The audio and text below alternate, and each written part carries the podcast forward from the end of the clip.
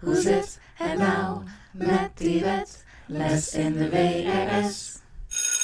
Hoi, ik ben Niki en welkom onder mijn rode paraplu.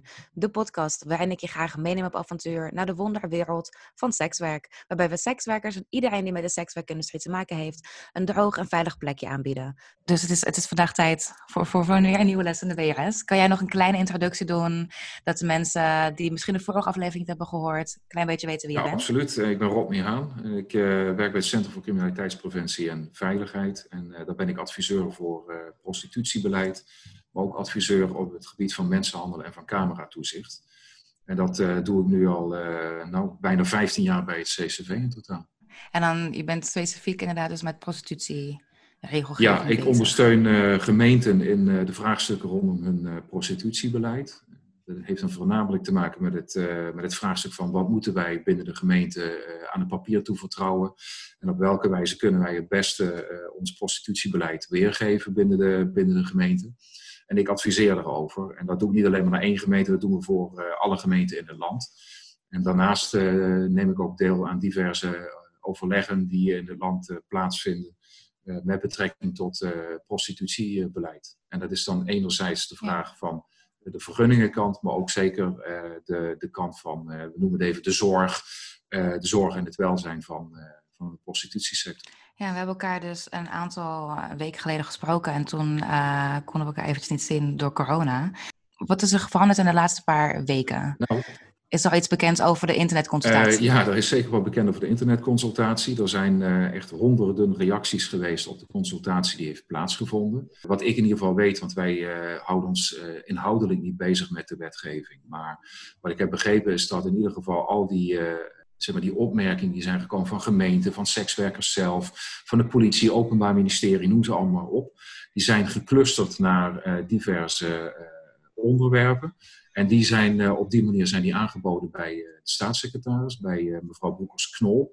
En op dit moment, as we speak, eh, is in ieder geval het, eh, het wetsvoorstel en de consultatie die daaruit is voortgevloeid, is er niet veel veranderd, wat ik heb begrepen.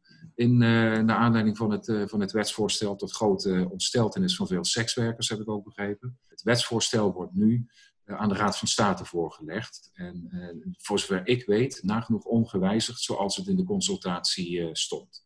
Nagenoeg ongewijzigd. Dus dan hebben we het dus over dezelfde paar hoofdpunten die dus een paar weken geleden speelden. Die gaan gewoon nog steeds, gaan gewoon nog steeds door. Nou ja, eh, als ik kijk naar de reacties van de, van de, van de sekswerkers, zijn zeker de pijnpunten die eh, zij hebben aangegeven, die, eh, daar, daar is bij mijn weten weinig, weinig in, in veranderd. Er is wel een, volgens mij een wijziging bij mijn weten die voornemens is om de vergunningduur voor een bepaalde tijd aan te passen. Het was eerst vijf jaar.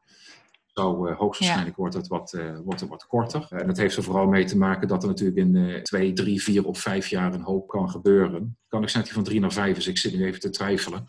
Nee, volgens mij was hij vijf jaar. die, eh, wordt die wat, eh, wat ingekort. Maar verder is het eh, eigenlijk eh, zoals het voorstel er lag. eh, gaat het nagenoeg ongewijzigd gaat het richting de Tweede Kamer uiteindelijk. Als de Raad van State in ieder geval ook daar een oordeel over heeft gegeven. Want dat is ook een belangrijk orgaan in wetgeving om daar advies op te geven. Als de Raad van State dat dwars voor gaat liggen, dan eh, moet er toch eh, nog wat gerepareerd worden aan het voorstel. Dus, eh, denk je dat het waarschijnlijk is dat de Raad van State daarin meegaat? Ja, ik heb geen idee. Eh vind ik een goede vraag.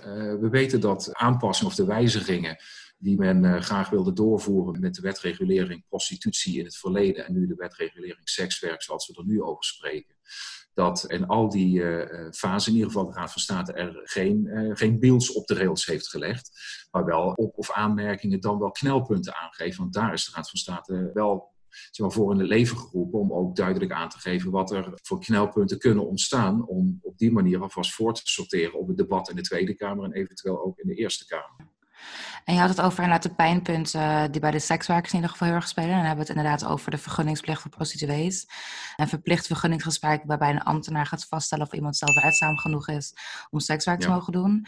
En natuurlijk het landelijk prostitutievergunningregister. Dus ik zou daar graag wat meer op Mhm. ingaan. Het idee is dat alle sekswerkers een vergunning moeten krijgen. Geldt het dan voor alle sekswerkers? Is het dan prostitutie? Is het, is het alle escorts? Is het alle thuiswerkers? Hoe, hoe Eh, bij mijn dat? weten is het voor alle sekswerkers. Nou, is sekswerkers is natuurlijk een breed begrip, zoals we weten. Want geldt het dan ook voor strippers en voor online seks? Dat durf ik niet te zeggen, dat weet ik eigenlijk niet. Want feitelijk is prostitutie is dat het verrichten van een seksuele handeling met een ander.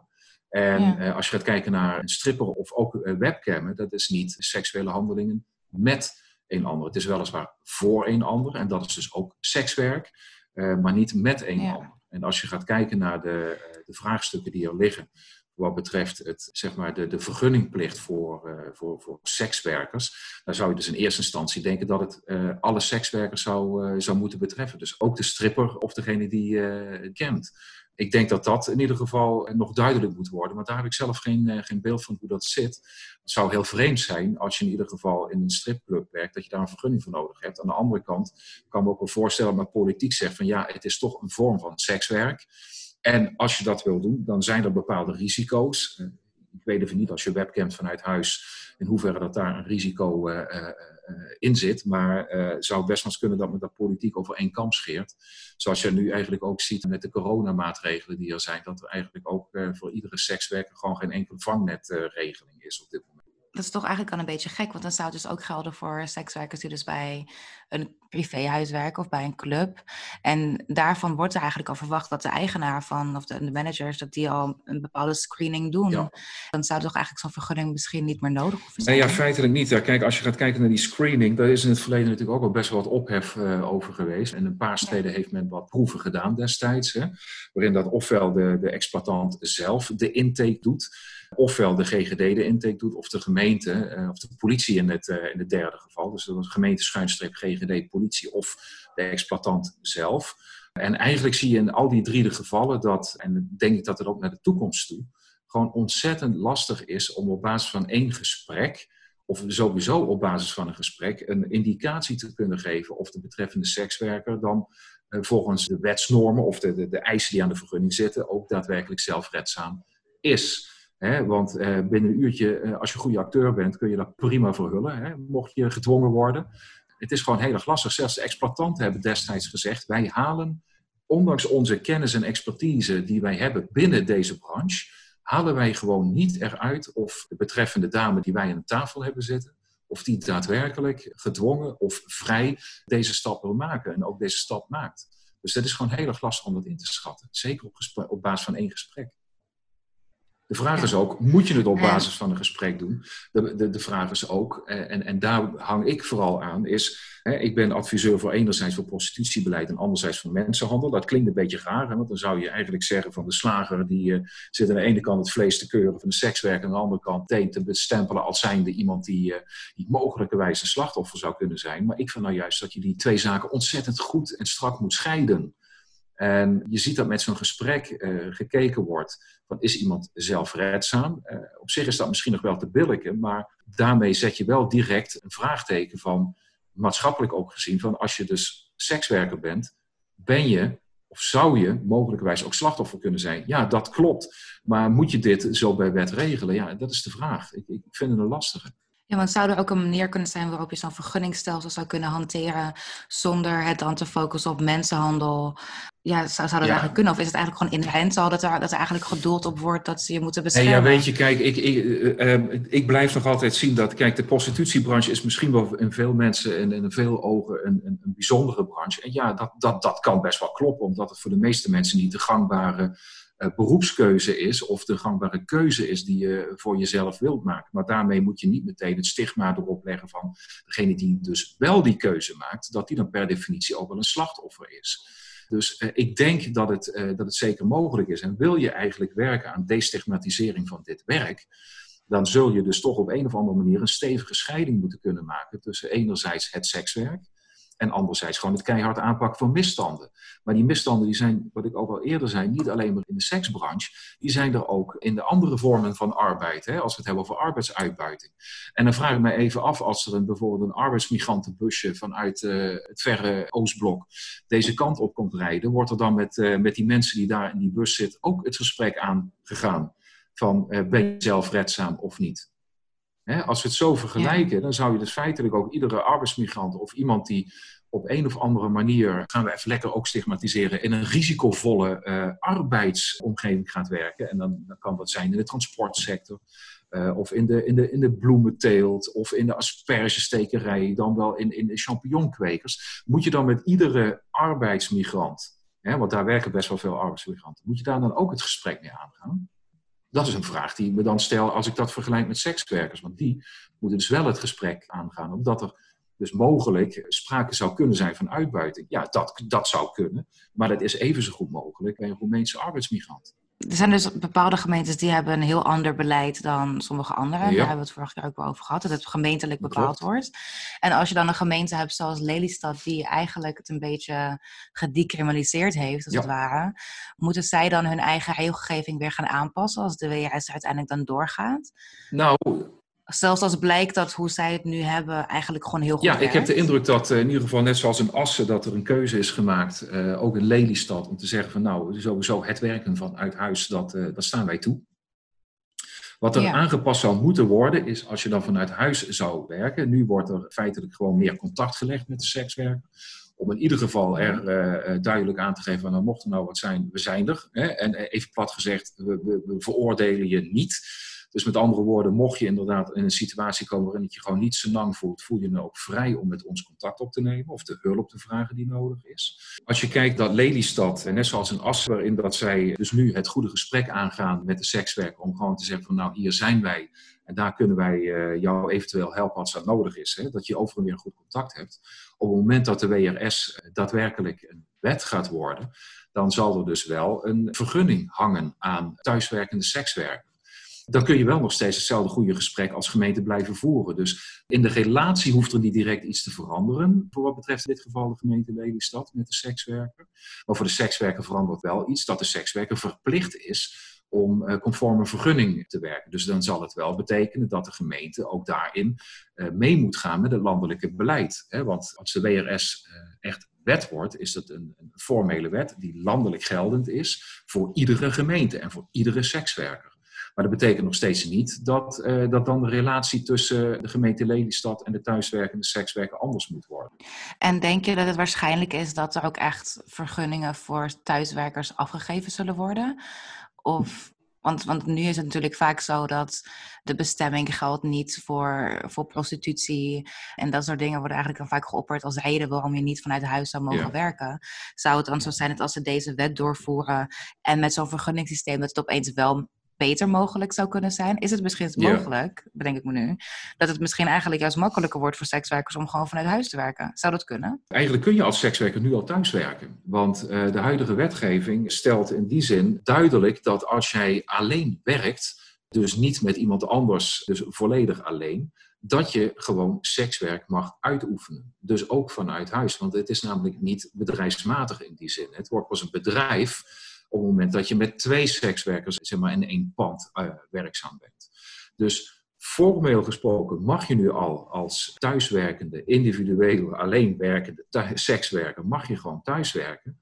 Uh, volgens de landelijke wetgeving. Alleen als je dan gaat kijken naar de lokale wetgeving, daar wordt vaak moeilijk over gedaan. Hoewel als je gaat kijken dat artikel 151a van de gemeentewet geeft eigenlijk de vrijheid aan gemeenten van nou, hè, zoek het maar even uit, hè, doe het zelf, maar het gaat alleen maar om bedrijfsmatige prostitutie. Nou, en bedrijfsmatigheid is in de eh, destijds ook op basis van 151a van de gemeentewet toen aangegeven.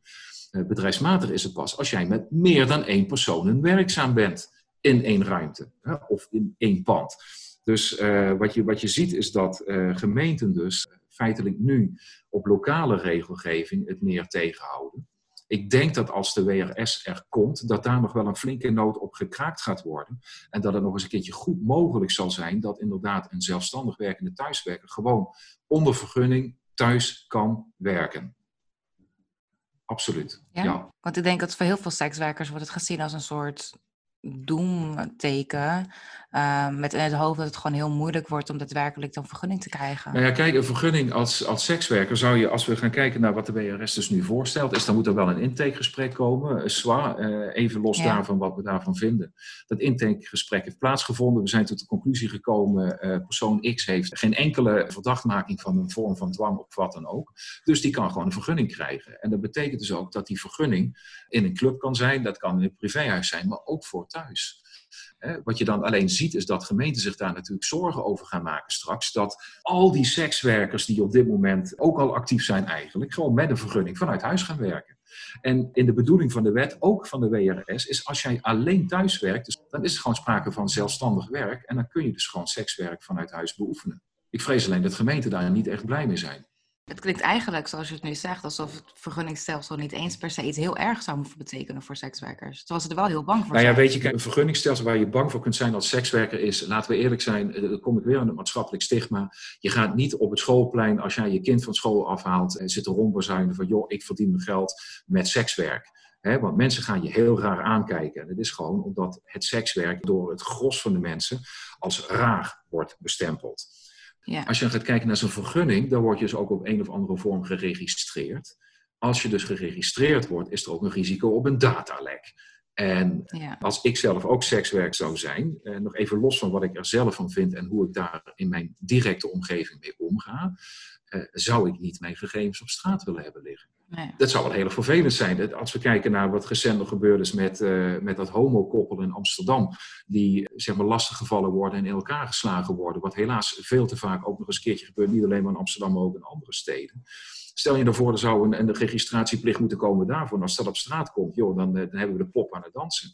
Er zijn genoeg gekken hier in deze wereld, en zeker in Nederland, die dan dus uh, mogelijkerwijs in dit geval de sekswerker lastig kunnen gaan vallen. Nou, als sekswerker zou ik dat absoluut niet willen. Dus daar zit wel een, een, een angst die ik me heel goed kan voorstellen. Ja, dus het gaat eigenlijk niet zozeer om de vergunning zelf, maar vooral om het registratiestukje erbij. Als ik mij verplaats in de sekswerker, dan kan ik me voorstellen dat die registratie toch echt iets is waar je niet op zit te, wachten. En dan kun je wel zeggen, hè, ook vanuit overheidswegen, vanuit de andere kant, van ja, als jij als sekswerker aan de slag gaat, moet je ook inschrijven in de Kamer van Koophandel.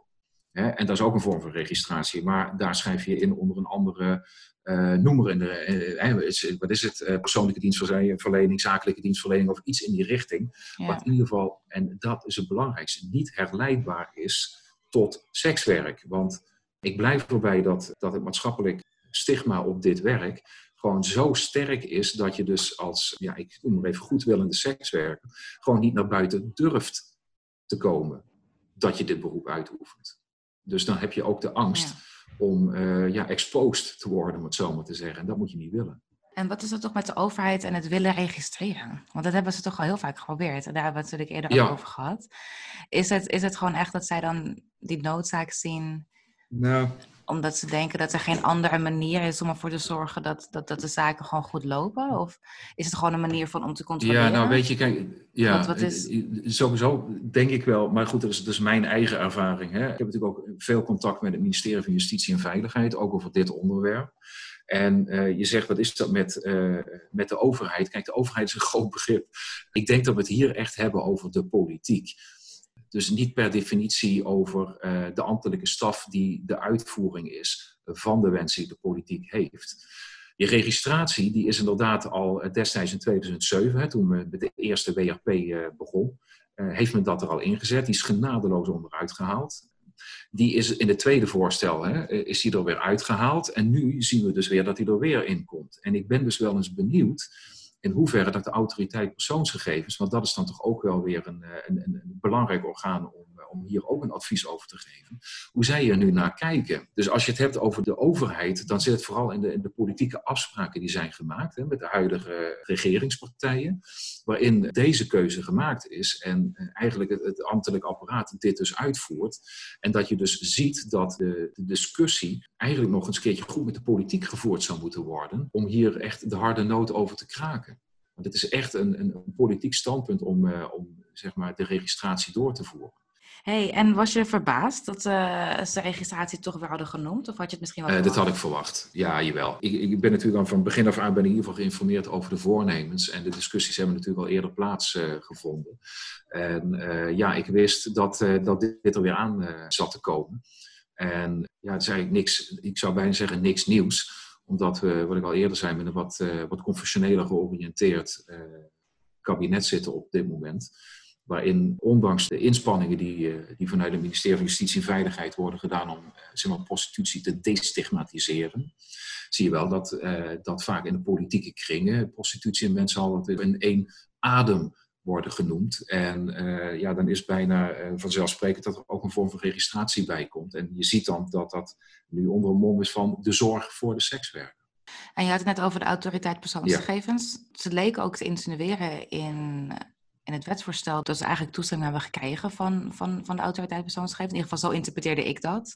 Heb jij enig idee wat de autoriteit persoonsgegevens hier, hierover heeft gezegd over dit wetsvoorstel? Wist ik het maar. Hebben ze, hebben ze ik heb geen flauw idee, wist ik het maar. Ik, uh, nee, ik heb er ook ik ben niks heel over benieuwd gevonden. naar wat, wat, wat, uh, wat een eventuele onderbouwing van de AP is om wel of niet met een registratie te werken en onder welke voorwaarden. Want als er ja wordt gezegd, dan komen er echt hele strikte voorwaarden. Want hè, iemands seksleven in dit geval, uh, maar ook iemands gezondheid, is in de AVG, de Algemene Verordening Gegevensbescherming, een bijzonder persoonsgegeven. En bijzondere persoonsgegevens moeten nog beter beschermd worden dan uh, gewone persoonsgegevens. Dus mijn adresgegevens zijn uh, persoonsgegevens. Maar mijn geaardheid of mijn seksuele voorkeur, uh, dat is overigens hetzelfde. Maar goed, hè, alle zaken die echt met, met, met mijn integriteit te maken hebben, dat zijn bijzondere persoonsgegevens. En daar wordt een nog groter slot op dan bij normale persoonsgegevens. Maar ik heb geen flauw ja. idee wat de AP uh, al heeft gezegd of ook wat ze gaat zeggen. Daar ben ik wel heel erg benieuwd naar, moet ik eerlijk zeggen. Ja, ik ook wel, want stond dus wel in het wetsvoorstel dat, dat de, de registratie daar dus niet onder zou vallen. En ik was in ieder geval verbaasd toen ik dat las, want toen dacht ik, nou, daar heeft het AP toch eerder andere Nou ja, kijk, weet je, registratie hoeft er dan niet onder te vallen. Als jij in een uh, nationale wet regelt dat de registratie nodig is en je zet er de nodige uh, waarborgen, omkleed je met de nodige waarborgen, dan kan dat. He, dus dan zal het wel nog steeds getoetst worden door de autoriteit persoonsgegevens. Of daadwerkelijk ook die, die, die waarborgen die de wet stelt, of die ook voldoende zijn. Maar dat is wel mogelijk.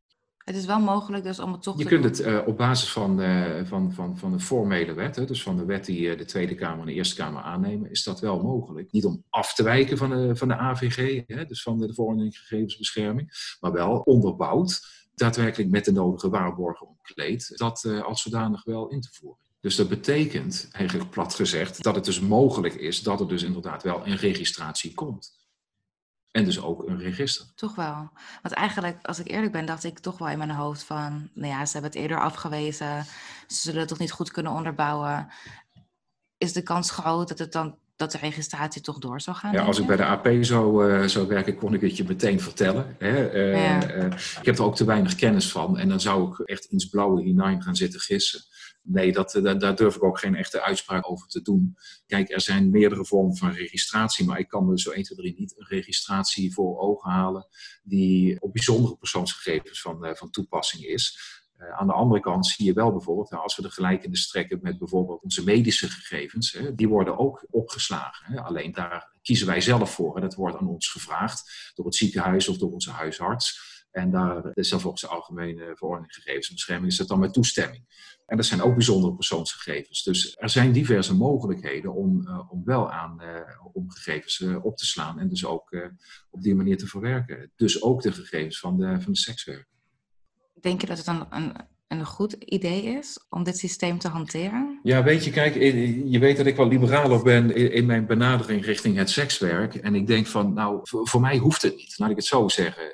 Waarmee ik geen disqualificatie zeg maar, richting het voornemen zet. Maar voor mij hoeft het absoluut niet. Omdat ik nog altijd het sekswerk, ondanks dat het misschien wat bijzonderder is, hè, ook, ook vanuit mijn eigen inzicht, wat anders is misschien dan een bakker op de hoek, is het gewoon een beroep. En daar kies je voor. Uh, en uh, als je daarvoor kiest, dan vraag ik mij af, waarom moet je dan uh, iemand registreren? Ga het dan net zoals bijvoorbeeld in Lelystad of in Assen, hè, van ga gewoon het gesprek aan met die sekswerker en bouw vertrouwen op.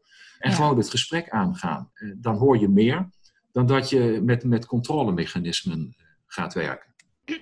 Hoe zit het nou met die wet? Les in de WRS. Nou, we hebben het even natuurlijk over die zelfredzaamheid gehad. Wat betekent het nou eigenlijk, zelfredzaam zijn? Ja, wat is zelfredzaam? Nee, goed, je kunt zeggen je eigen boterham smeren. Hè, en uh, uh, alle andere zaken. Kijk, zelfredzaam, ik, ik vind het een lastige term. Zelfredzaam betekent gewoon net zoals voor alles en voor iedereen, is dat je enerzijds kunt voorzien in je levensbehoeften, want dan ben je zelfredzaam hè, aan de ene kant. Uh, dat je kunt opkomen voor de zaken waar je voor staat, dan ben je ook zelfredzaam. Dat je kunt verdedigen voor een aanval, dan ben je ook zelfredzaam. Maar het is een, eigenlijk een beetje een holle term die je heel breed kunt, uh, kunt uitmeten. Hè. Wat ik zeg, een kind van, uh, van negen kan al zelfredzaam zijn als dat kind haar eigen boterham kan smeren. En zelf weet hoe ze naar het toilet moet gaan, hoe ze op billen af moet vegen. Hè. Dus dan ben je al in die zin ben je al zelfredzaam. En als je gaat kijken naar, het is natuurlijk een slechte vergelijking met het sekswerk, maar ja, in hoeverre ben je zelf redzaam? Aan wat voor criteria moet je dan voldoen? Ja, ik, ik stel die vraag ook maar even open. Van, geef mij ook maar eens een idee van, wat is dan een criterium van zelfredzaamheid? Zeg maar, de mate van zelfredzaamheid en de criteria van de zelfredzaamheid, die zullen grotendeels ook afhankelijk zijn van een toevoeging van regels die de minister nog moet vaststellen. Dus dat betekent dat ja. die nog bij besluit uh, nog worden vastgesteld en dus op dit moment nog niet helemaal duidelijk zijn. Behalve dan dat je in ieder geval een taal moet spreken die uh, in ieder geval de meeste mensen van ons begrijpen en ook het merendeel van de klanten kan uh, begrijpen. Ja, maar zou het dan ook niet mogen als het eigenlijk dan bijvoorbeeld Spaans praat en jij praat Spaans? Dan kan je wel in ieder geval met de exploitant afspraken maken. Of mag dat niet? Nou ja, dat is een goede vraag. Daar zal die minister toch uiteindelijk een antwoord op moeten gaan geven. Want ik kan me voorstellen dat Spaans op zich, dat is volgens mij de derde of de vierde wereldtaal. Dus er wordt best wel, wordt best wel veel gesproken eh, op deze aardkloot. Is het alleen de vraag in hoeverre kun je, als jij bijvoorbeeld als sekswerker alleen maar Spaans spreekt, uh, of jij uh, merendeel van de klanten ook duidelijk aan kunt geven wat je grenzen zijn, wat je wel of wat je niet wil. Of in ieder geval communicatie met de klant kunt, uh, kunt opbouwen. En als je alleen maar Spaans ja. spreekt, dan zal een Hollandse jongen die naar een sekswerker toe gaat, die zal echt geen Spaans spreken. Of verstaan. Ja. Behalve dan uh, of zoiets in die richting. Maar het is nog niet bepaald waar die ja. dan voor komt. Nee, maar in principe moeten dus die criteria daar ze naar verwijzen, die moeten we dus eigenlijk ook nog maar ja, even die worden bij afwachten, ANVB worden niet besloten. Echt. Nee, die zijn nog niet helemaal ja. duidelijk. Nee. Hey, wat ik dus heel bijzonder vond, was dat in artikel 10, lid 1, sub C, hadden ze het ook over de verandering van zelfredzaamheid. En toen dacht ik, wat, wat gebeurt er dan met zo'n zo zo persoon dat er dan opeens niet meer zelfredzaam zijn? Hoe, in, in, welke zin is het dan heel, het klinkt alsof het heel variabel is. En hoe ga je nou van zelfredzaam persoon nou opeens niet meer zelfredzaam? En hoe controleren ze dit dan? Hoe komen ze erachter dat jij opeens niet meer je eigen boterham kan smeren? Nou ja, je hebt natuurlijk toezichthouders die ook in de vergunde prostitutiebranche in ieder geval hun controles nog steeds uitoefenen. Dat gebeurt nu op dit moment dan even niet, maar als we eindelijk van die corona af zijn, dan gebeurt dat ook alweer. En uh, dan zou het kunnen zijn dat men tijdens die controle erachter komt dat een bepaalde zelfredzaamheidskenmerken niet meer voldoen. Ik waag te betwijfelen of je dat als toezichthouder dan meteen uh, zou kunnen zien. Want stel je nou voor, je hebt als sekswerker heb je een stempel zelfredzaamheid gekregen en een vergunning. Die vergunning ja. heb je voor drie jaar of voor vijf jaar, wat het ook gaat worden. Maar die heb je voor enkele jaren. En dan word je na een half jaar word je gecontroleerd. En dan komt iemand tot de conclusie van, ja maar wacht even. Ik ben eigenlijk niet meer zelfredzaam. Ik kan mij alleen maar een, een, situatie voorstellen op het moment dat men de sekswerker aantreft onder eh, omstandigheden die, eh, en dan hebben we het eigenlijk niet meer over een, een, een vergund bedrijf, maar meer in, in, in de wat minder duidelijke bedrijfsomstandigheden, waar bijvoorbeeld de politie constateert van hier is iets niet aan de haak. Maar dan is het nog steeds de vraag, oké, als iets niet aan de haak is, dan kun je wel zeggen van de sekswerker is niet meer zelfredzaam. Aan de andere kant denk ik van nou, volgens mij is die sekswerker op dat moment een slachtoffer. Als je zeker als je bijvoorbeeld, hè, laten we het hopen dat het niet gebeurt, maar bijvoorbeeld te maken hebt met uitbuitingsrisico's, ja, dan is die sekswerker niet meer in die zin zelfredzaam. Ja, misschien is hij niet meer zelfredzaam, maar dat komt door de uitbuiting. Dat betekent dus dat die sekswerker een slachtoffer is. Dan moet je een hele andere weg gaan bewandelen dan gunning gaan intrekken. Dan moet je die, die sekswerker uit die positie uh, halen. Ja, want ik zit nu ook te denken, als je dus inderdaad, ja, stel, ik ben prostituee en ik werk vanuit huis en ik had, alles ging gewoon in principe prima, maar ik krijg een partner en die partner is niet helemaal leuk en die neemt op een gegeven moment, kiest hij ervoor om de helft van mijn geld af te pakken. Dus dan heb je echt die financiële uitbuiting. En als dan bijvoorbeeld daar, daar wil ik dan vanaf en dan ga ik naar de politie toe en dan zeg ik, hé, hey, dit, is, dit is er. Wordt er dan meteen ook mijn vergunning afgepakt omdat ik iets aan die financiële uitbuiting wil doen? Ben ik dan per definitie niet meer zelfredzaam omdat ik op een gegeven moment in een situatie terecht kwam die ik eigenlijk dus niet meer wil? Of, of denk je dat daar toch wel wat coulanten voor zou komen? Het zou heel erg raar zijn als je op basis van uh, die uitbuiting, die financiële uitbuiting, die uh, mogelijkerwijs met jou dan in dit geval zou gebeuren, dat je daardoor een intrekking hebt van je vergunning. Dan moet je echt het hulpverleningstraject ingetrokken worden. Want het zou wel heel vreemd zijn als men dan meteen uh, jouw vergunning intrekt, want je bent een slachtoffer op dat moment. Ja. Niet zeg maar een, een, een malafide sekswerker. Want je hebt gewoon je vergunning, alleen de situatie is zo veranderd dat je eigenlijk in een soort afhankelijkheidsrelatie komt die je niet wilt. En dat je hulp zoekt en hulp vraagt. En, en hulp bied je dan niet door de vergunning in te trekken. Hulp bied je door een hulpverleningstraject uh, in te gaan met uh, de betreffende sekswerker die daarom vraagt. En daarom is het ook zo belangrijk uh, dat je ook als gemeente en als toezichthouders, en er zijn ook echt gemeenten die dat zo doen hoor, en daar zijn ook hopelijk, en daar twijfel ik ook niet aan, ook toezichthouders, die daar ja. oog voor hebben. Want het gekke is, dat zie je ook die vergelijking zien met criminele uitbuiting. Dat is ook een vorm van mensenhandel. Hè? Uh, waarin dat mensen gedwongen worden mm bijvoorbeeld thuis het abonnement, telefoonabonnement op zich te nemen. Of onder dwang van, uh, bij wijze van spreken, het mishandelen van een kind uh, gedwongen worden om drugs de, de grens over te smokkelen. die mensen die worden dan in eerste instantie gezien als dader, maar feitelijk zijn ze gewoon slachtoffer terugkomend op jouw vraag, hè, van, eh, kan die vergunning dan ingetrokken worden als mijn nieuwe partner mij opeens gaat zitten afknijpen met mijn inkomsten? Ja. Dan ben je geen dader, nee, dan ben je slachtoffer, dan moet je geholpen worden. Maar ja, ik denk dat het, dat het juist toch vaak zo is dat die zelfredzaamheid, die komt daar niet doorheen als denken dat jij mogelijk een slachtoffer bent. Nou, wij weten natuurlijk nog niet wat de echt exacte criteria van die zelfredzaamheid zijn, maar je kunt dus wel duidelijk zeggen, Klopt. er is een mindere uh, mate van zelfredzaamheid door die situatie dat je bijvoorbeeld wordt, uh, wordt afgeknepen in je inkomsten, hè, door je, uh, je partner op dat moment. Dan mag ik toch aannemen, en sterker nog, dan moet het ook zo zijn dat als de sekswerker dat daadwerkelijk aangeeft, dat het ook reden geeft om onderzoek te doen of die sekswerker bijvoorbeeld niet aan het liegen is. Hè? Want dat zou natuurlijk ook kunnen. Kijk, als jij een partner hebt waarvan je zelf denkt van dan wil ik eens een keertje vanaf, zou je bijvoorbeeld ook op die manier kunnen doen. Dat, je misbruik maakt van de situatie. Het moet gewoon goed onderzoek zijn en niet meteen zeggen van oké, goed, we hebben dit uh, uh, geconstateerd. er is dus mindere zelfredzaamheid. Met andere woorden, uh, dikke doe je naar je vergunning. Nee, zo moet het niet werken. Ja. En wat nou als je gewoon de hele zelfredzaamheidstest niet haalt? Dus ik wil als sekswerker aan de slag. Ik ga op bezoek, maar ik weet niet. Ik had eigenlijk gewoon een hele kutdag. En ik voelde me ook helemaal niet chill. En die toezichthouder of die ambtenaar die voor me zit, die heeft zoiets van... Nou, die chick die voelt zich helemaal niet fijn hierbij. Uh, maar ik was gewoon ongesteld en ik had ja. gewoon een kutdag. En ik krijg, kom niet door die zelfredzaamheidstest heen. Wat dan? Uh, dat, kan ik dan gewoon helemaal niet meer werken? Nou, dan uh, is of mag ik nog een keer langskomen? Ik weet niet precies hoe het, uh, hoe het staat geregeld, maar het is niet zo per definitie dat je uh, eenmaal niet zelfredzaam altijd niet zelfredzaam bent. Dus ik weet alleen niet welke termijn okay. dat daarvoor staat.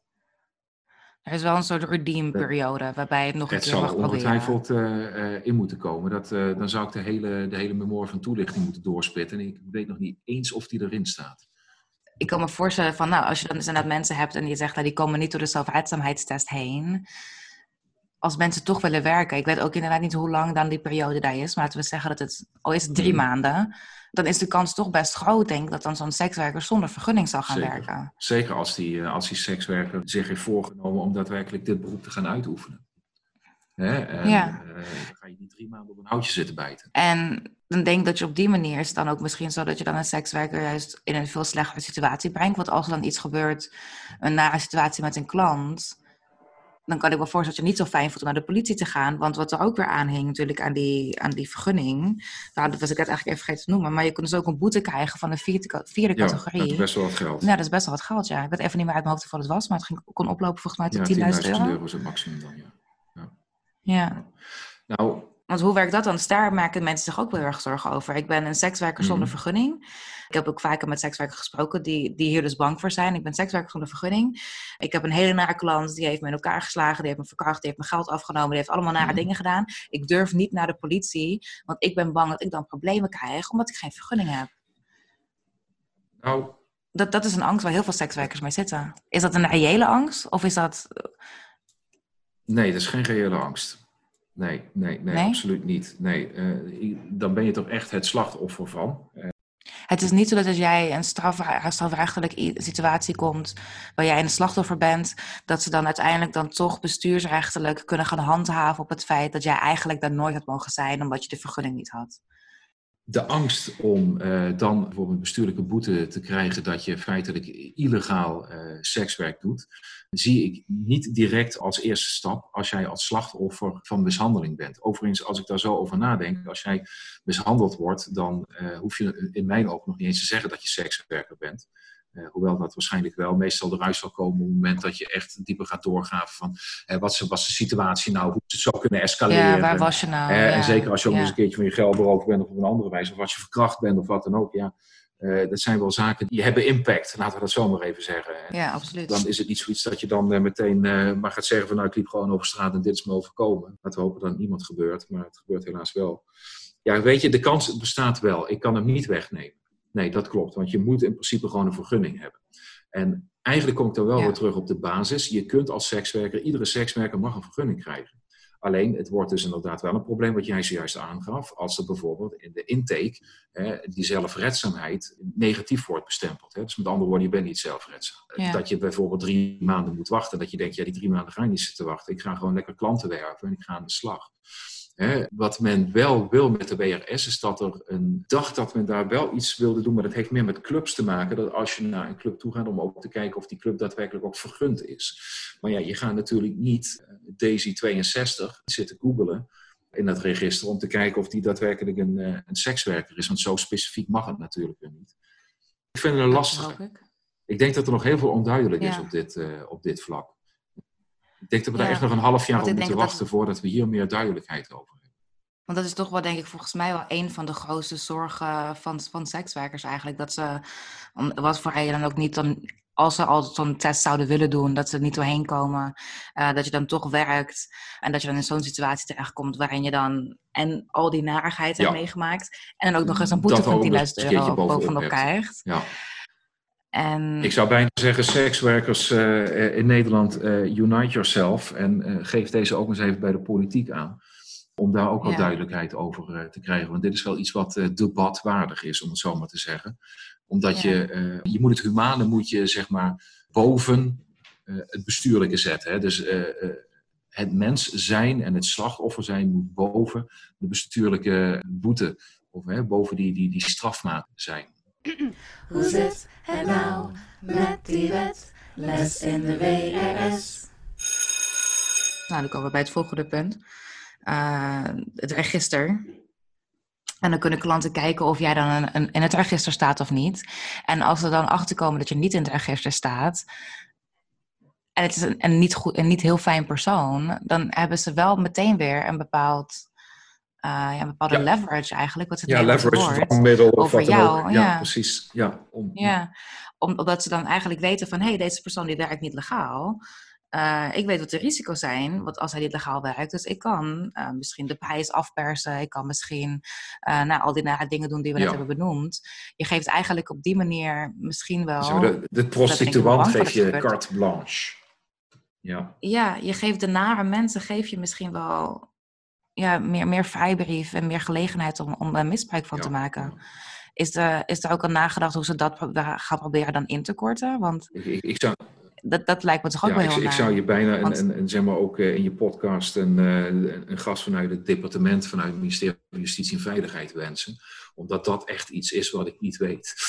ik heb werkelijk Als je iemand hebt die, uh, kan, die kan aanbevelen en die ik wil aanschuiven, dan alsjeblieft. Ja, ik, ik, weet nog niet hoe ze het nee, krijgen. Ik, ik, denk dat het heel erg lastig is sowieso. Hè, luister, wat, wat ik al eerder aangaf. Je hebt te maken met een, met een politieke wens de politieke wens wordt uitgewerkt door ambtenaren. En die ambtenaren die werken bij het ministerie van Justitie en Veiligheid. En uh, die hebben de opdracht om het kabinetsbeleid voor die jaren dat het kabinet staat, om dat uh, in zo goed mogelijke banen te leiden. En dat is ook voor te bereiden. Op het moment dat je een beleidsmedewerker van uh, het ministerie van Justitie en Veiligheid aan de microfoon zou hebben, dan denk ik niet dat je antwoorden gaat krijgen. Omdat de discussie voornamelijk politiek is. En eh, de ambtenaar eigenlijk, eh, en dat klinkt heel oneerbiedig hoor, maar meer de marionet is van de uitvoering van dat kabinetsbeleid. En natuurlijk zitten daar best wel wat invloeden die die ambtenaren hebben. Hè? Want uh, die spreken met heel veel partijen, met belangenverenigingen, die spreken ook met sekswerkers. Maar daarmee is niet gezegd, want ik weet dat ze met sekswerkers spreken. Maar daarmee is niet gezegd dat de roep, de wens en alle zaken die de sekswerkers uh, of de exploitanten bij uh, de ambtenaren van het ministerie uh, aangeven, dat die overgenomen worden door de politiek. Dus daarin zie je dat het zeker voor die ambtenaar in kwestie soms heel erg lastig is om daar een juist antwoord op te geven. Want die kan misschien wel persoonlijk van mening zijn van, joh, je hebt gewoon helemaal gelijk. Maar in het kabinet is besloten van, wij willen dit er moet een registratie in. Er moet een vergunning in. Er moet dit in. Ja, en dan heb je eigenlijk, hoe gek het ook klinkt, als ambtenaar gewoon te dansen naar de pijpen die de politiek je opdraagt. Ja, word je eigenlijk gewoon gedwongen om dingen te doen die je niet nou ja, in dit vakgebied, maar ik heb vroeger wel uh, ook bij het CCV uh, een ander dossier gehad, dus absoluut niks te maken had met prostitutiebeleid. Toen was er een, uh, ook een rechtskabinet aan bod, maar de beleidsambtenaar die zich bezig moest houden met sommige dingen, dat was een volbloed SP-stemmer. Ja, nou, dat kon ook nog wel eens een keertje wringen. Hè? Dat je dan dus zeg maar vanuit je politieke kleur en je persoonlijke opvattingen toch niet altijd helemaal in de pas loopt met eigenlijk je opdrachtgever die op dat moment in de Kamer zit. Dat maakt het onwijs lastig. Hè? En eh, het zou me zo'n lief ding zijn als uh, alle sekswerkers zich gewoon goed zouden kunnen verenigen om eens een keertje die politieke lobby eens een keertje daar een deuk in te slaan. Want daar gebeurt het. Zo'n ja. beleidsmedewerkers echt, het zijn echt toffe mensen hoor, geloof me, het zijn goede mensen. Maar ze hebben wel uh, uit te voeren wat de politiek bepaalt. Ja, wat het gewoon heel moeilijk maakt, ook bij het verenigen, is dat je vaak als sekswerker. Dat het wordt gedaan alsof je als sekswerker tegenover de belangen staat die ze eigenlijk dus willen beschermen. Dus van slachtoffers van mensenhandel. En dan word je heel erg tegen elkaar uitgespeeld. Hoe kunnen dan als sekswerkers ervoor zorgen dat we wel opkomen voor onze belangen? Zonder dat we worden uitgespeeld tegen, tegen slachtoffer mensenhandel. Terwijl we, natuurlijk willen we niet dat zij slachtoffer zijn. Hoe, hoe, kunnen we daar nou ja, zorgen? Want dat, dat is gewoon je echt zou moeten lastig. kijken of je binnen, binnen de community echt een goede debater hebt. Want laten we eerlijk zijn. Als je kijkt naar bijvoorbeeld, ik heb uh, Yvette heb ik een tijd geleden, en dat is al best wel lang geleden, eens een keertje aan tafel gezien. Ja, Vet precies. Volgens mij, het was uh, bij Jeroen Pauw geloof ik. Daar zat Gert-Jan Segers tegenover. En ze was toen samen met Velvet. En, en Yvette is echt bekwaam. Maar wat je zag is dat de debating skills van, en, en eigenlijk de ijzigheid hè, die in die politieke hardheid door, uh, door Segers is opgebouwd, uh, op een gegeven moment gewoon uh, bij Yvette zoiets had van ja, dan moet je eens even goed luisteren. En toen merkte je dat ze er een beetje uitviel. En dat vond ik heel erg jammer voor haar, omdat de, de argumenten die ze gaf, die, die sloegen de spijker op zijn kop. Hè, die waren gewoon 100% valide. Hè, maar dan zie je dus dat ik vind het helemaal niet erg, want ik, ik, ik was ook keihard onderuit gegaan. Maar die debating skills. Ja, de meeste ja, die denk ik skills ja. die, die hij heeft. Gert-Jan Segers, die zijn zo onwijs goed. Of ik nou CU stem of niet, maar als debater vind ik hem echt een kei. Alleen het probleem is op dit onderwerp is dat wel heel erg vervelend.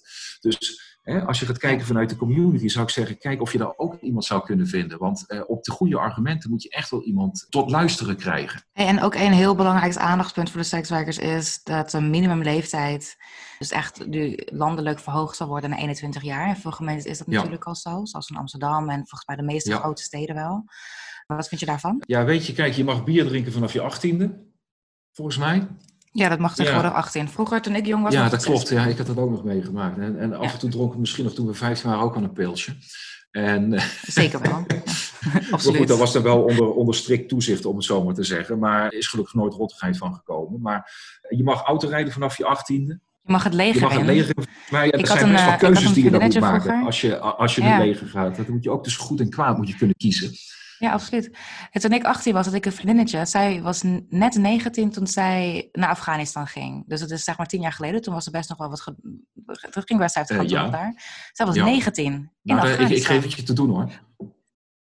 Nou, maar Ja. echt. Maar dan mag je niet gewoon, mag gewoon even leuk Nee. sekswerk doen. In een Nee. clubje. Met, of bij de, achter het raam met al die sociale toezicht exact. Ik, ik heb op zich geen moeite mee als een sekswerker vanaf zijn achttiende zou kunnen starten. Dat is puur mijn persoonlijke mening. Eh, ook hier komen we weer in het politieke debat. Dat men zegt van ja, hè, net zoals bijvoorbeeld met al- Ze zijn Nou ja, het is net zoals met alcohol, zeg maar. Ja, het brein is pas volgroeid op, eh, wat is het, 2 of 23ste jaar, levensjaar. Dus eigenlijk zou je dan ook niet Ja. te veel moeten drinken. Want we gaan geheid ook nog krijgen dat we straks pas vanaf onze 21ste bier mogen drinken. Nou, daar zijn wij, zijn wij daar gelukkig al aan voorbij. Dus ik zit nog steeds met mijn water, maar we mogen een biertje drinken als het kan. Maar ja. weet je, het, ehm, het is zo dat eh, eh, eigenlijk zou je vanaf 18 best wel je mening kunnen, kunnen geven. Je hebt mensen van 18, hè, zoals die, die, die vriendin van jou, die op haar 19e naar Afghanistan gestuurd is. Ze, ze wilde heel graag. Maar ik, ik denk dat die vrouw ook best zelfredzaam, hebben weer zelfredzaam, eh, nou, laat ik zo zeggen, dat wij gewoon ballen had om dit te doen en wist wat ze deed. En, en, en, ja, ballen ja, nee, ook gewoon daadwerkelijk dit ook aan kan. Terwijl misschien een andere vriendin van jou, die misschien 23 is, zeg maar zeven kleuren stront langs de broek zou laten lopen als ze al aan Afghanistan denkt. Dus wat bepaalt nu 18 of 21? Dit is gewoon wederom een politieke keuze die, meer... die, gemaakt is, waarin dat men eigenlijk zegt van ja, dit beroep is, nou dan ga ik even à la, politiek praten, dat heeft zo'n impact op je. Hè, waarbij ik denk van als kogels op je oren fluiten in Afghanistan zal het ook best wel impact op je hebben. Maar goed, dit heeft zoveel impact op je, daarom moet je wat ouder zijn. Kunnen we dan niet gewoon zeggen als overheid van oké, uh, je mag wel sekswerk doen, of als overheid, als gemeente, als society. Je mag sekswerk doen vanaf je 18e, maar we gaan er dan gewoon wel voor zorgen dat als je dan, want dan kom je bij je zelfredzaamheidstest en dan geven je de gegevens van Proud, de Belangenvereniging voor Sekswerkers. En dan kan je hier alles leren. Wat moet je wel doen, wat moet je niet doen. Dat je ook gewoon echt zo goed mogelijk geïnformeerd in het werk gaat. Dat je mensen het niet verbiedt, maar dat je ze wel dan erkent van oké, we vinden dat ze meer kwetsbaar zijn. Of dat waar is of niet, dat weet, dat weet ik ook niet. Maar in plaats van het dus gewoon dan te verbieden, dat je ze gewoon alle informatie geeft. Ja. Hoe, hoe, doet, hoe gaat het eigenlijk op dus in zo'n Lelystad en Assen? Mag het daar wel vanaf 18? Of hebben ze daar ook gewoon een... Uh, daar dat is een goede vraag. Dat zou, dat zou moeten opzoeken. Ze hebben nieuw beleid. En volgens mij heeft dat beleid wel 21 jaar. Ja, dat wel. Ja, volgens mij Toch wel. wel ja. ja. En het laatste punt wat er, waar de meeste mensen eigenlijk over vallen... is dus het strafbaar stellen van klanten en faciliteerders van illegale prostitutie. Ook wat Boy wordt ja. genoemd.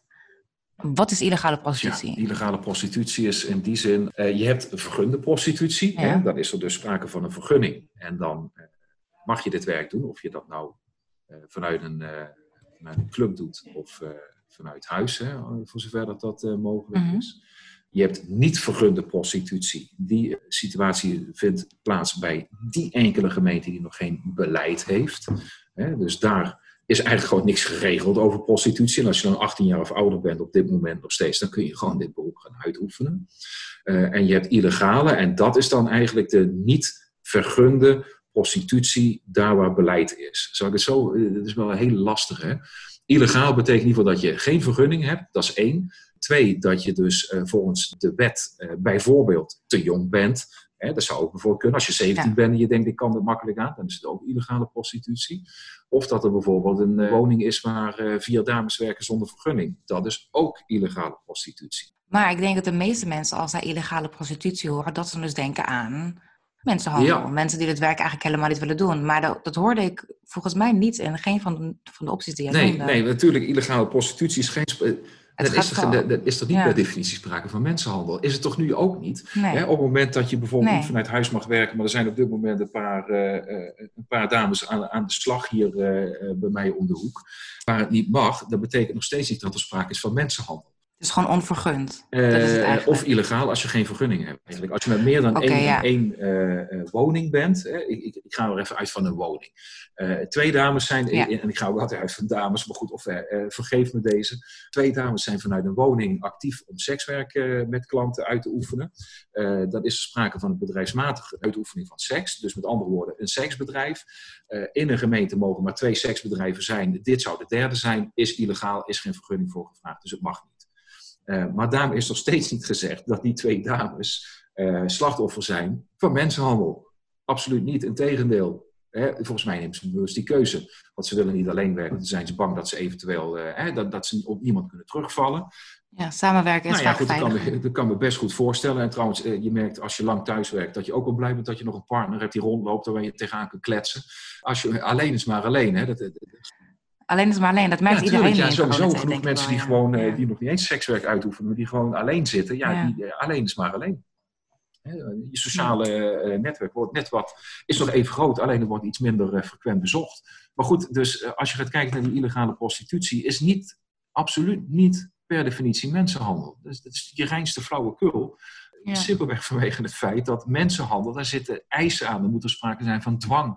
Uh, een echte stevige uitbuiting. Daar zijn criteria voor opgesteld die, uh, die aangeven wanneer dat iets mensenhandel is. En in dit geval de seksuele uitbuiting. Ja. Nou, ik denk dat het wordt natuurlijk vaak in, in, in, uh, krantenberichten, et cetera, gebruikt. En dan gaat het over illegale prostitutie aangetroffen ergens. En het is dan echt inderdaad een. En dan, ik denk dat dat soort dingen wel ook bij mediabeeld van mensen ja. vormt. Dat, dat er eigenlijk dus iets aan de hand is wat echt heel erg is. Wat het misschien zo simpel komt. En als dit is gewoon iemand die heel veel plezier uit zijn werk, maar Precies, geen maar de, de, de, de, mensen die je lezen denken, oh shit, vrouwen en kinderen eerst, jongens, wat is ja. hier aan de hand? Terwijl er absoluut niks aan de hand is. En dat is waar ik me eigenlijk persoonlijk gewoon onwijs boos over maak. Is dat we prostitutiebeleid moeten scheiden van het vraagstuk mensenhandel. Want mensenhandel is totaal wat anders. En, het is, en mensenhandel is niet alleen maar seks, mensen. Mensenhandel is ook arbeidsuitbuiting. Mensenhandel is ook criminele uitbuiting. En zelfs mensenhandel is ja. gedwongen orgaanverwijdering. Hoewel dat, uh, voor zover ik weet, in ieder geval niet bewijsbaar in Nederland voorkomt. Althans niet in Nederland gebeurt. Maar uh, daar hou ik ook ja. mijn hart voor vast. Wellicht gebeurt het ook heel af. Hoe zit het nou met die wet? Les in de WRS. Wat vind jij van het strafbaar van klanten en faciliteerders van illegale prostitutie? Dus onvergund in deze. Ja, dan zit een klein beetje in het Zweedse model te, te roeren. Hè? Als, je, uh, als je een klant ja. uh, strafbaar gaat stellen uh, die gebruik maakt van, van illegale, illegale prostitutie. Ik denk dat je in eerste instantie de, de, de, de scheidslijn tussen illegaal en niet illegaal gewoon scherp moet trekken. En ik vind in ieder geval, of je nou vanuit huis alleen werkt, een vergunning moet hebben. Hè? Ik vind gewoon dat als, je, als er dan uiteindelijk toch een vergunning komt, dan moet het gewoon kunnen. Of je dan een gebruik maakt van een boekhouder of van andere mensen, ja, dan ben je er, dan ben je er wel klaar mee. Uh, ik vind het een hele lastige, laat ik het zo zeggen. Illegale prostitutie is op dit moment eigenlijk al heel snel uh, het geval. Op het moment dat jij bij de gemeente niet mag vanuit huis werkt, of dat nou alleen is en al helemaal als je met z'n tweeën bent, uh, dan ben je dus al meteen feitelijk een, een, een, illegaal en dus een verschoppeling. En dat zou betekenen dat de klant dan de strafbaar wordt gesteld. Dat zou betekenen dat uh, uh, je boekhouder strafbaar wordt gesteld. Als je in een escort zit, dus ook je chauffeur strafbaar is in dit geval. Ja. En mijn man, kan mijn partner ook strafbaar Zo, dat is een goede. Ja, want feitelijk faciliteert hij het, hè? Nou, als ik nou toevallig meer geld verdien en ik betaal de huur en ik ben eigenlijk de broodwinnaar van ons huis en we wonen ja. samen. Ja, dan is hij eigenlijk willens en wetens, weet hij wat je doet. En faciliteert hij dus wat je ja. doet. En het zou dus betekenen dat ook je man strafbaar is. Nou, dan begint het langzaam een klein beetje te knagen bij me, moet ik eerlijk zeggen hoor. Dan, uh, dan klopt er ergens iets niet in, uh, in de redenatie. Kijk, ik kan me voorstellen dat je op een gegeven moment, uh, als we even gaan kijken naar die WRS, als die er zou komen, dan zou je dus voor iedereen zou er dus een vergunning moeten zijn die dit werk wil gaan doen. Nog even mm-hmm. daar gelaten dat er misschien wat minder zelfredzamen zijn die nog een herkansing krijgen. En hoe en waar en onder welke omstandigheid dat je dat dan doet, ja, dat moet dan absoluut niet ter zake doende zijn. Op het moment dat je geen vergunning hebt voor, uh, en ook niet hebt aangevraagd voor sekswerk, als die WRS er zou zijn, om welke reden dan ook, dan is het de vraag in hoeverre dat je dan sowieso die sekswerker en de, de, de, de faciliteerders hiervoor zou moeten straffen. Dan zou ik eerder denken van nou, dan zou je de prostituant zou je daar straffen moeten stellen, maar absoluut niet de sekswerker, niet zijn of haar boekhouder, niet zijn of haar partner uh, of nempart, wie dan ook. De vraag is alleen, gaan we als Nederland en gaan de sekswerkers en gaat de politiek en gaan met z'n allen akkoord met een vergunning ja of? Want als we kijken naar de huidige situatie, dan praten we dus over misschien wordt de sekswerker of de, de, degene die, uh, die ondersteunt, wordt die strafbaar. Maar ja, nu is het nog allemaal niet zo. Nu is er nog niemand strafbaar. Alleen als je illegaal nee. sekswerk uitoefent, hè, dus eigenlijk dus zonder vergunning, uh, dan is het dus nu op dit moment aan de willekeur van de gemeente of jij vanuit huis mag werken, ja of nee. Nou, mag dat niet, dan uh, moet je met je, word je gedwongen eigenlijk te stoppen met je, met je werkzaamheden. Wat heel vreemd is, hè, want de, de nationale wet zegt het mag, want je bent geen bedrijf. Eigenlijk feitelijk, ik merk het aan mezelf ook, je lult je eigenlijk zelf gewoon compleet knel. Ja. Waarom doen wij zo moeilijk om zeg maar, die waterscheiding uh, te maken sowieso tussen illegale prostitutie en, en, en mensenhandel. Uh, want dat hoeft niet per definitie zo te zijn. Ik denk wel dat je op een of andere manier, dat ik vind dat wij in Nederland gewoon moeten accepteren dat er sekswerk is. En dat wij ook moeten weten dat de gemiddelde sekswerker eh, en ook de bovengemiddelde sekswerker er niet op zit te wachten om met een vlag boven het dak te gaan staan. Van joh, moet je eens even kijken, hier wordt sekswerk verricht. Maar die dat gewoon in haar eigen of in zijn eigen kring dat werk uitoefent en zijn eigen en haar eigen klantenkring heeft. Laat het gewoon zo als het is. Ja, ze willen het natuurlijk niet laten zoals het is, omdat ze dus de meest kwetsbare mensen willen En dus beschermen. weer dat het niet met mensenhandel wordt gelegd. En wat zou dan een goed alternatief kunnen zijn? Als het niet deze wet, wat zou dan een goed alternatief kunnen zijn om dan toch die, de meest kwetsbare personen, die misschien op een of enig moment een haakvlak hebben in Mhm. dit vak, toch te kunnen beschermen? Nou ja, een goede hulpverlening. Dus toch het gesprek aangaan met die betreffende sekswerker. Eh, kijk, net zoals met kleine kinderen, je moet iets niet verbieden. Als je iets gaat verbieden, wordt het spannend. Dus eh, moet je vooral niet aan beginnen.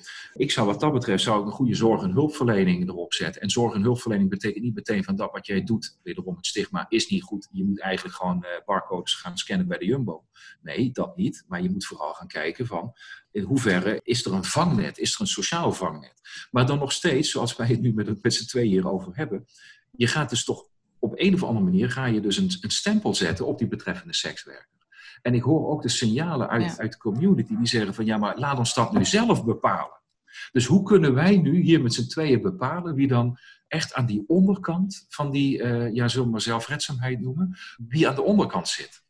Heb jij daar criteria voor? Ik heb ze niet. Hè, wat, wat moet je dan zijn? Is het dan LVB? Hè? Moet je dan eh, licht verstandelijk beperkt zijn? Hè, is dat een criterium? Maar wanneer ben je licht verstandelijk beperkt? Nou, dat bepaalt de wet volgens Ja. mij ook. Dan moet je een bepaald IQ hebben wat onder een bepaalde grens zakt. Hè, eh, eh, mag je dat aan iemand vragen? Eh, waar zit de grens? Heb jij enig idee? Ik durf het ook niet te zeggen. Dus is die oplossing er? Misschien is die er, maar je gaat altijd tegenwind krijgen als je op een gegeven moment ergens een streep trekt. Ik, ik denk Ja. het ook wel. Ja, ja, je gaat mensen gewoon. Ja, toch stigmatiseren, dat- labelen van ja, eh eh, lichtverstandelijk beperkt, hartstikke Dutch. Oké, en bedankt. Ja, Ja.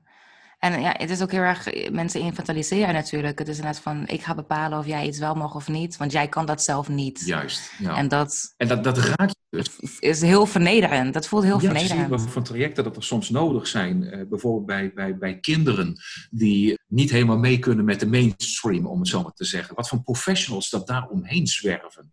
Om een, een diagnose te krijgen eh, en vanuit die diagnose een keuze te maken. Wat dan bijvoorbeeld een goede opleiding zou kunnen zijn. Of een goede ondersteuning vanuit de hulpverlening. Ja, dan gaan we dat sowieso niet rennen met één intakegesprek van een sekswerker. En als we dan gaan kijken van ja, waar zit dan die ondergrens? Als je al ziet bij, kinderen of bij mensen die dus dan in een, in een andere omstandigheid zitten, in een gedepriveerde omstandigheid, hoe dat dan zo mooi wetenschappelijk heet. Hoe lang dat dat duurt alvorens dat je daar het juiste hulpaanbod voor hebt. Nog even los van dat de ene professional soms ook de andere professional tegenspreekt. Hè? Want de ene zegt ja, die heeft ADHD. Hè? Hoewel dat absoluut geen enkel kenmerk hoeft te zijn om een speciale opleiding te volgen trouwens. Want het kan ook heel positief zijn. Maar terwijl de andere professional zegt van ja, nou ADHD, het valt wel mee joh, die heeft gewoon eh, ja, hypersensitiviteit. Of ADHD, ja jongens, leg het maar uit. Nou, dan blijven die, eh, die specialisten maar met elkaar soebatten. Tot uiteindelijk het kind vaak ook het kind van de rekening is. Moeten we dat ook met de sekswerkers willen? Denk het niet. Nee, Denk nee, nee. Maar dat maakt het dus heel moeilijk om daar een keuze in te maken. Ik heb twee vragen. Dat zijn mijn laatste twee vragen. Is dit wetsvoorstel eigenlijk gewoon een ontmoedigingsbeleid om ervoor te zorgen dat mensen geen sekswerk meer willen doen? En zijn er positieve punten aan deze wet? Aan dit wetsvoorstel, want het is natuurlijk nog een wetsvoorstel. Of moeten we gewoon eigenlijk gewoon zeggen, weg ermee en gewoon eventjes opnieuw naar de drawing board? Ehm, op die eerste, om op die eerste antwoord te geven, ik heb zelf niet de indruk dat het een ontmoediging, eh, althans dat het bewust een ontmoediging is. Eh, ik hoor wel dat het een ontmoediging is en dat heeft vooral te maken met de gevoeligheid van het werk aan zich hè, en dus het stigma wat erop zit. Waardoor dat ook, Ja. even door de bank genomen, de gemiddelde sekswerker zich echt in de hoek gezet voelt. En eh, als jij in de hoek gezet wordt, dan ga je van je afbijten. Nou, dan, dan word je gewoon boos, dan wil je je verdedigen. ja, Weet je, kijk, van een afstand bekeken zou ik zeggen, nee, dat is het absoluut niet. Eh, vanuit de community bekeken kan ik me goed voorstellen dat men dat zo, zo voelt. Maar ik denk niet dat het eh, gemaakt is om te ontmoedigen. Maar het voelt wel als een ontmoediging als de leeftijdsgrens al omhoog gaat. Het voelt al als een ontmoediging als je op een gegeven moment eigenlijk exposed wordt omdat je een vergunning nodig hebt. Terwijl je dat eh, hiervoor eh, eh, niet nodig had. Hè? Eh, ook niet als je bij een club werkte. Dan voelt het wel zo ik, ik hoop eerlijk gezegd dat deze wet wel heel duidelijk, en, en dat doet hij misschien in iets mindere mate, want dat hij wel duidelijker aan gaat geven wat sekswerk is en wat mensenhandel is. Dus dat we daar wel een scheiding in gaan Hm. krijgen. En dat we dus ook daadwerkelijk, Ja. dat probeerde ik zojuist ook al uit te leggen, dat ik zei van je, we lullen ons eigenlijk helemaal vast. Als er dan een vergunning is, eh, dan heb je in ieder geval ook de duidelijkheid eh, dat er een, een, een vergunning achter zit en dat je gewoon het beroep mag uitoefenen. En dat je dus ook Ja. hulp mag vragen en hulp krijgt. Snap je, dat vind ik wel positieve punten. Nog even los van de angst die je hebt van datalekken, want eh, ook die begrijp ik. Die kans is altijd aanwezig, hoewel eh, men, men, men claimt van niet. Maar je hoort het in de media heel vaak dat er af en toe toch nog wel eens een datalek is. Want ook dat werk is mensenwerk en wij als mensen maken fouten. Eh, dus ja, is die wet tegen sekswerk, eh, zeg ik nee, niet per definitie. Moeten we terug naar de tekentafel? Hè? Je tweede vraag, van, moeten we naar terug naar de tekentafel? Het zou me wel een lief ding waard zijn. En waarom zou het me een lief ding waard zijn om terug naar de tekentafel te gaan? Dat is om eens een keertje weer helemaal from scratch te gaan beginnen. eh, eh, maar dan wel met de juiste vertegenwoordiging op het juiste niveau. Van alle sekswerkers, van de belangenvereniging van exploitanten, van individuele kleine exploitanten, eh, van alle politieke partijen, eh, vanuit de politie, eh, vanuit het Openbaar Ministerie, om nou echt eens een keertje alle kaarten op tafel te leggen. Ja, ik zou liefst weer terug naar de tekentafel willen, maar ik weet niet of met dank, dat en dank wordt afgenomen. Eh, maar goed, we zijn toch al zo lang bezig, dus zo maakt het uit, zou ik bijna zeggen. Maar ehm, Ja. ik zou zo graag willen dat, ik noem maar even de Nederlandse seksbranche, hè, en dat zijn dan alle sekswerkers, maar ook de exploitanten, die hebben ook verschillende meningen, hè, want die, die hebben ook hun eigen belangen. Maar dat, dus, dat er een goede vertegenwoordiging is. En dat er een keertje op een goed eh, niveau het gesprek eh, gevoerd kan worden, zonder dat er sprake is van een ondergeschiktheidsrelatie. Want dat zie je nu heel sterk. Hè. Er wordt iets bepaald, dit is goed voor je. Natuurlijk is dat overheidseigen, hè, want eh, niet roken is goed, is goed voor je, dus daarom worden de sigaretten duurder. Drank is niet goed voor je, dus daarom zit er accijns op drank. Hè. Nou, noem het dan maar op. Er wordt ons veel van bovenaf opgelegd. Maar dit gaat gewoon over een beroepsgroep. En dat is een beroepsgroep zoals de matrassenfabrikanten, dat is een beroepsgroep als de bakkers, dat is een beroepsgroep als een slager. Eh, heb je ook de beroepsgroep de sekswerker. En voor de sekswerker zou ik ze dan ontzettend gunnen van kijk of het jullie lukt om eh, ook binnen jullie eigen verdeeldheid, hè, want eh, je, je hebt zoveel typen om daar een goede eh, belangenvereniging achter te, achter te zetten. Want inderdaad, de ramen zijn anders dan escort. Dat is nou eenmaal zo. En dat geldt voor het, het, het cammen of het strippen of eh, wat dan ook, of gewoon het, het, vanuit huiswerken of in een bordeel. Het zijn allemaal eh, keuzes die je als sekswerker maakt, maar het maakt je wel tot één en dat is namelijk sekswerker. En dat is iets waar je aan moet vasthouden. En daar hoop ik dat dat één gaat gebeuren. Unite yourself. En dat je dan eens een keertje aan tafel gaat zitten met al die partijen en dat eindelijk eens een keertje het goede gesprek gevoerd gaat worden. Ik hoop het ook. Nou, anders ik wel. Het is, ik denk inderdaad terug naar de tekentafel. Dat zou mijn wens wel zijn. En dan meteen met de wens voor een oproep naar iedereen. En of dat nou bij de politie, bij het Openbaar Ministerie of bij gemeente is. Of naar de prostituees zelf en de sekswerkers. Keep open-minded. We moeten Ja. ook van elkaar beseffen dat we niet hetzelfde zijn. Eh, Misschien hebben wij onderling ook een totaal verschillende politieke kleur. Maar we kunnen wel met elkaar babbelen. En we komen ook wel tot een oplossing. Sterker nog, we hebben ook kabinetten gehad die volledig haaks op elkaar stonden. Die konden ook met elkaar door één deur. En natuurlijk is het geven en nemen. Dan moet je wel de juiste mensen aan tafel hebben en goed erover kunnen praten, zonder dat je meteen vervalt in het zielig hoopje ellende hetende sekswerker die we moeten beschermen. Of vanuit sekswerkers bekeken, wij zijn alleen maar sterk en wij bepalen onze eigen dingen. Terwijl er ook best wel sekswerkers zijn die twijfelen. Of die op een andere wijze zich niet helemaal senang voelen. Dus daar moet je, moet je de balans Ja. in zien te vinden. Graag Dankjewel. gedaan. Wanneer gaat er dit jaar nog de, de jaarlijkse prostitutiebijeenkomst plaatsvinden? Het zou misschien een goede tekentafelmoment Ja, kunnen dat zou zeker een goed tekentafelmoment kunnen zijn. We hebben nu eh, in ons achterhoofd dat we het ergens in november willen gaan doen. Want eh, het zou dus september gaan worden, maar daar hebben we nog geen rugbaarheid aan Ja. gegeven. Die, eh, nou, die ellendige corona die maakt het ons eh, er niet makkelijker op. Eh, ik zit ook te denken hoe we het eventueel op een digitale versie kunnen, kunnen gaan doen. Mhm. Wat ik heel vervelend vind, is dat Ja. het, eh, het geeft niet die geweldige dynamiek en interactie die we hebben als we met z'n allen in een, eh, in een ruimte zitten met 100, Ja. 120 mensen. Dat vind ik heel vervelend en dat, dat, dat knaagt aan me. Ja, Dat ik dat niet kan. Dat vind ik heel jammer. Ja. Maar ik, eh, ja, hij staat zeker in de planning. En ik hoop dat, ondanks de corona, dat we hem wel kunnen gewoon door laten gaan, dat we elkaar weer kunnen zien, een goede dag kunnen hebben en misschien wel zo'n tekentafelsessie zouden, zouden kunnen doen. Eigenlijk zitten daar mensen die met elkaar durven te praten. Hè? De sekswerker die met de politie durft te praten en andersom dus ook. Eigenlijk zouden die een verbondje moeten smeden van ja, hoe kunnen wij dit nou van de grond gaan krijgen? Want eh, Ja. die ene sekswerker kan niet namens iedere sekswerker spreken, maar die ene politieman of vrouw, die kan ook niet namens het hele korps eh, spreken. Dus we moeten wel op een, op een hoger level zien te trekken. Rodney, dankjewel dat je deze keer via mijn digitale rode paraplu Ja, heel graag zijn. gedaan. Ik vond het leuk. Ik weet niet of je, ik weet niet of je dat hebt eigenlijk, social media die je wilt pluggen, wil je het CCV pluggen? Wil Ik sta, je... bij mij staat in ieder geval altijd de deur open, laat ik het zo zeggen. Eh, voor iedereen, hè, dat, dat, of het nou vanuit de gemeente, de Rijksoverheid is of de sekswerker, dat, dat boeit me echt helemaal niks. Want ik hoor graag de dingen. En op basis daarvan kan ik ook een signalen weer doorgeven. Waarmee niet gezegd is dat ik dan het breekijzer ben voor iedereen hoor. Ik moet mezelf niet te veel credits geven, maar het is wel belangrijk om eh, van iedereen wat te horen. Dus eh, de shout-out is, neem gerust contact met me op. Nou, dat kunnen ze per mail doen via rodney.haan.hetccv.nl. Eh, ze mogen me Mhm. ook gewoon, eh, gewoon bellen op mijn werktelefoon 06 519 30631. Kijk, ik zou hem sowieso even bellen, want het is heerlijk om met Rodney te kletsen. Ehm en dankjewel dat je er weer bij was. Graag gedaan, ik vond het leuk. Dankjewel. Hebben jullie nog vragen, opmerkingen? Dan kan het bij @omarp podcast op onze Twitterpagina of gewoon via de website. Dank jullie wel voor het luisteren en tot volgende week. Hoe zit het nou met die wet? Les in de WRS.